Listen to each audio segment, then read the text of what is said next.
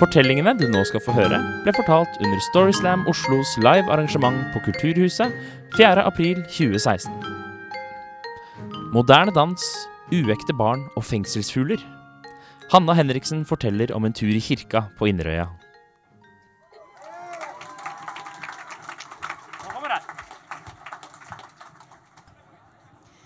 Jeg heter Hanna.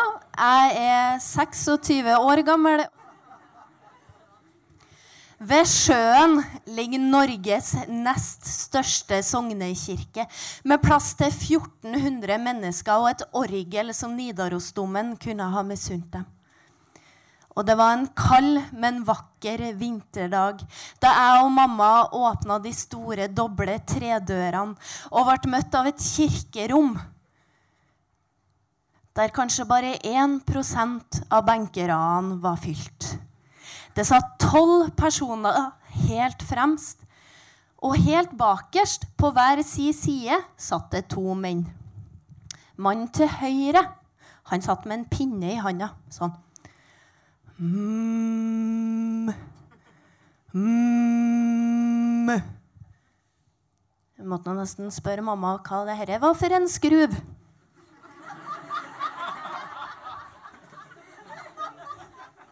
Og mamma kunne fortelle at jo, det er kompisen til Kate som har blitt med fra Bergen i ens ærend for å måle auraen i rommet. Ja, han målte auraen min tidligere i dag, og det var visst noe galt med den. Jeg vet ikke hva aura er for noe, men er det noe galt med den òg nå, da, plutselig? Så måtte jeg nå spørre om mannen som satt til venstre mens vi først var i gang. Da ble mamma litt stille. ja eh, Nei, du skjønner det at eh, en av sønnene til Øystein har fått eh, permisjon fra fengselet. Eh, så han må ha med seg en politimann, da. ja, i sivil, da, for å ikke skremme folk, kan du skjønne.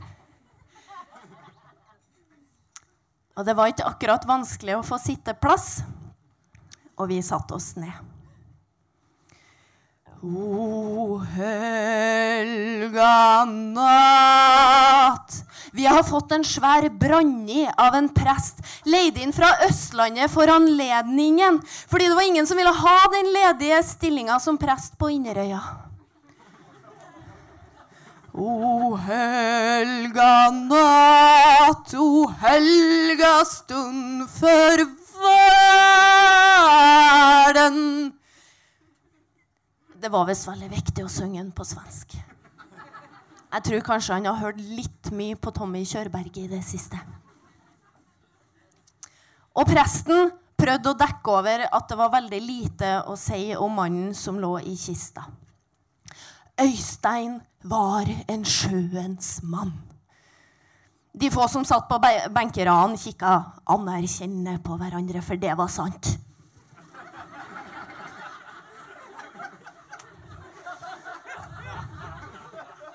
Og denne østlendingen av en prest han har tydeligvis fått med seg at Åge Aleksandersen han er trønder. Og han passer det jo å sitere i denne sammenhengen. Øystein førte oss trygt mot havn i regn og all slags vær. Øystein var en familiens mann.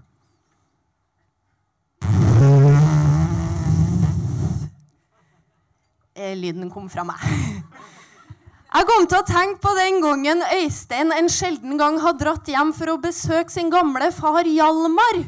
Og det hadde tatt bare en halvtime før Hjalmar hadde ringt lensmannen og ba han om å komme og hente hagla, for ellers så kom han til å bruke den.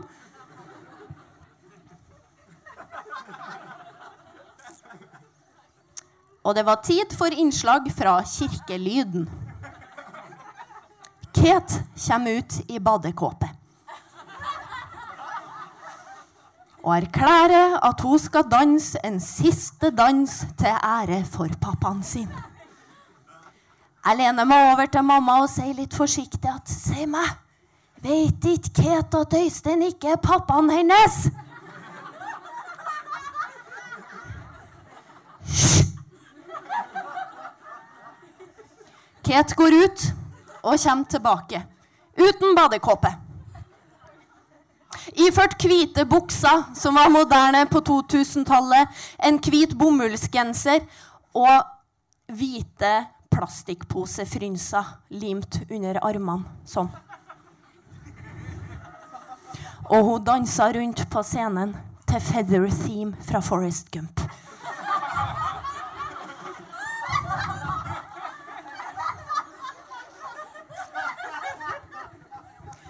Man kunne se på Norske Talenter noen måneder senere, kun iført rosemaling. Eh, og man kan si så mye som at hun kom ikke videre, da. Og mens O helga natt Det var på tide å glatte over. Og mens jeg satt og overvar denne fadesen av en begravelse, så angra jeg på at jeg ikke hadde planlagt å si noen ord om denne rare gamleonkelen min. Gammelonkelen som ga meg sjarken sin i konfirmasjonsgave, men som hadde fem barn som han ikke hadde kontakt med. Og denne gammelonkelen som lærte meg å plystre, men som hadde brent så mange bruer i løpet av sitt liv at det var nesten ingen som ville komme i begravelsen hans. Og han ble gravlagt ved siden av Inderøys store kunstner Nils Aas. Det passer bra, syns jeg. De toene har sikkert mye å prate om. De kan ligge der og kikke utover sjøen og prate om hvorfor livet ble som det ble, hvem de har elska overalt på jord, og hvorfor de valgte å dø alene. For når du står der på kaia og skal foreta din siste reise, hvem vil være der for å vinke deg av gårde?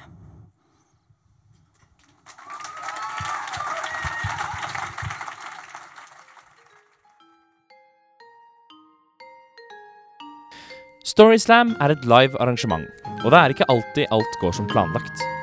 Dette fikk Tor André Valle erfare da han skulle fortelle om bakgrunnen for etternavnet sitt.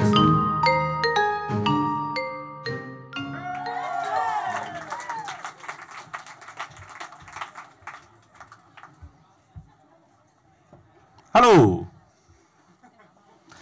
Uh, ja, jeg heter Tor André. Jeg er 29 år.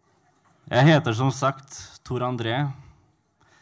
Jeg er oppkalt etter min bestefar, som het Tor. Og jeg fikk tilnavnet André fordi jeg er den andre Tor i min familie.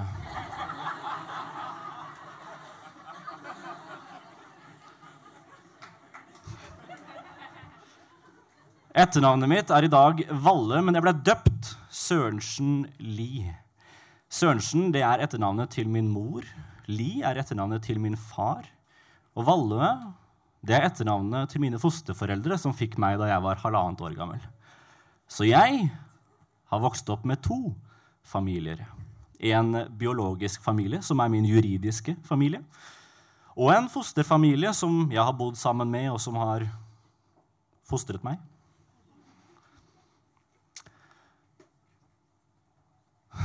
Nå glemte jeg meg litt her. sånn skjer. Um, satan, beklager dette her, altså.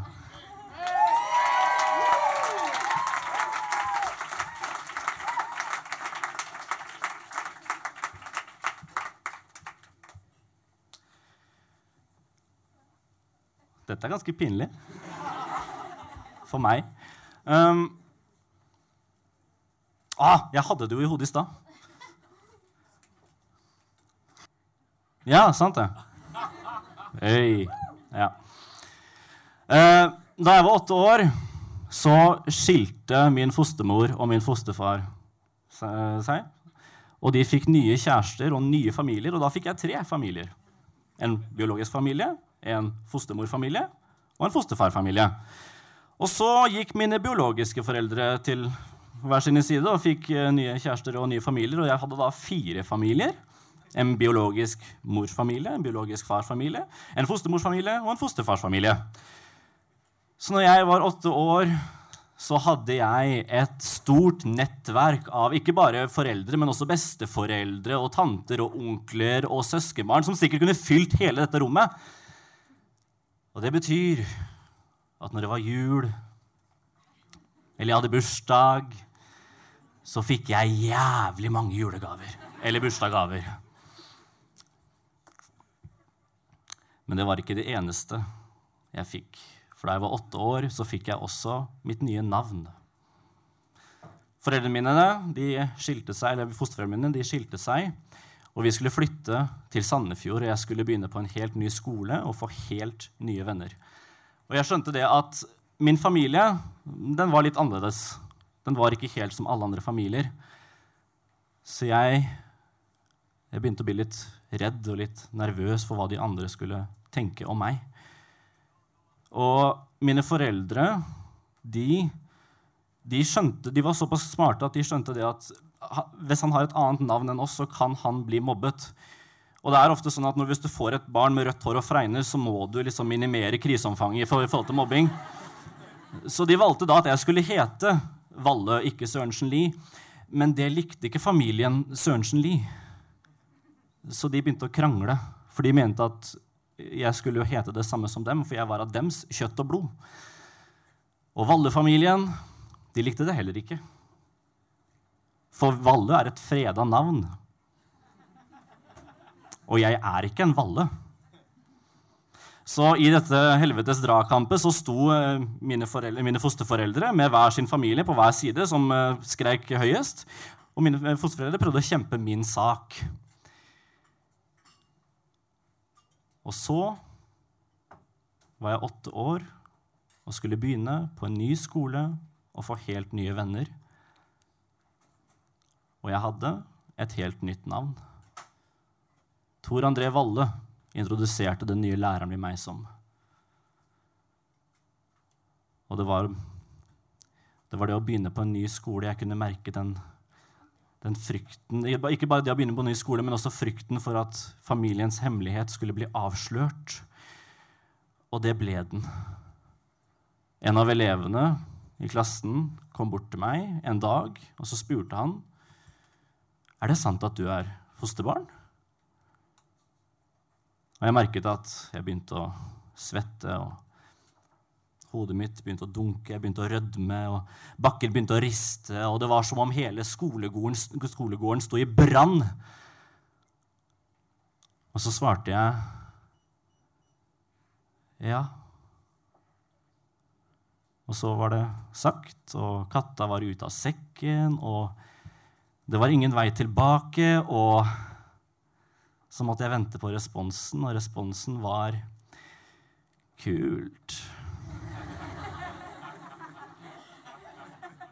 Hva betyr det?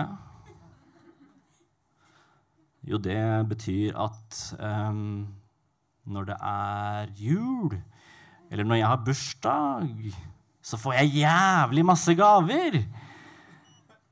Kult. Og så var det over. Min største frykt var bare borte på et sekund. Og det var materialismen som reddet meg den dagen.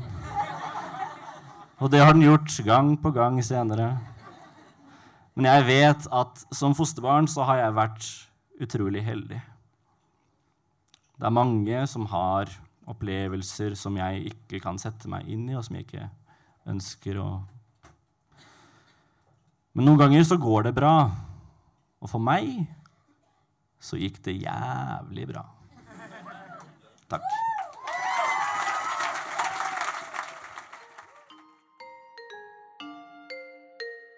Hvis du vil vite mer om Storyslam Oslo og hva vi holder på med, kan du finne oss på Facebook og Instagram.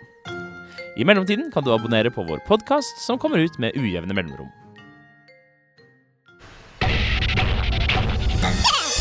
Monster.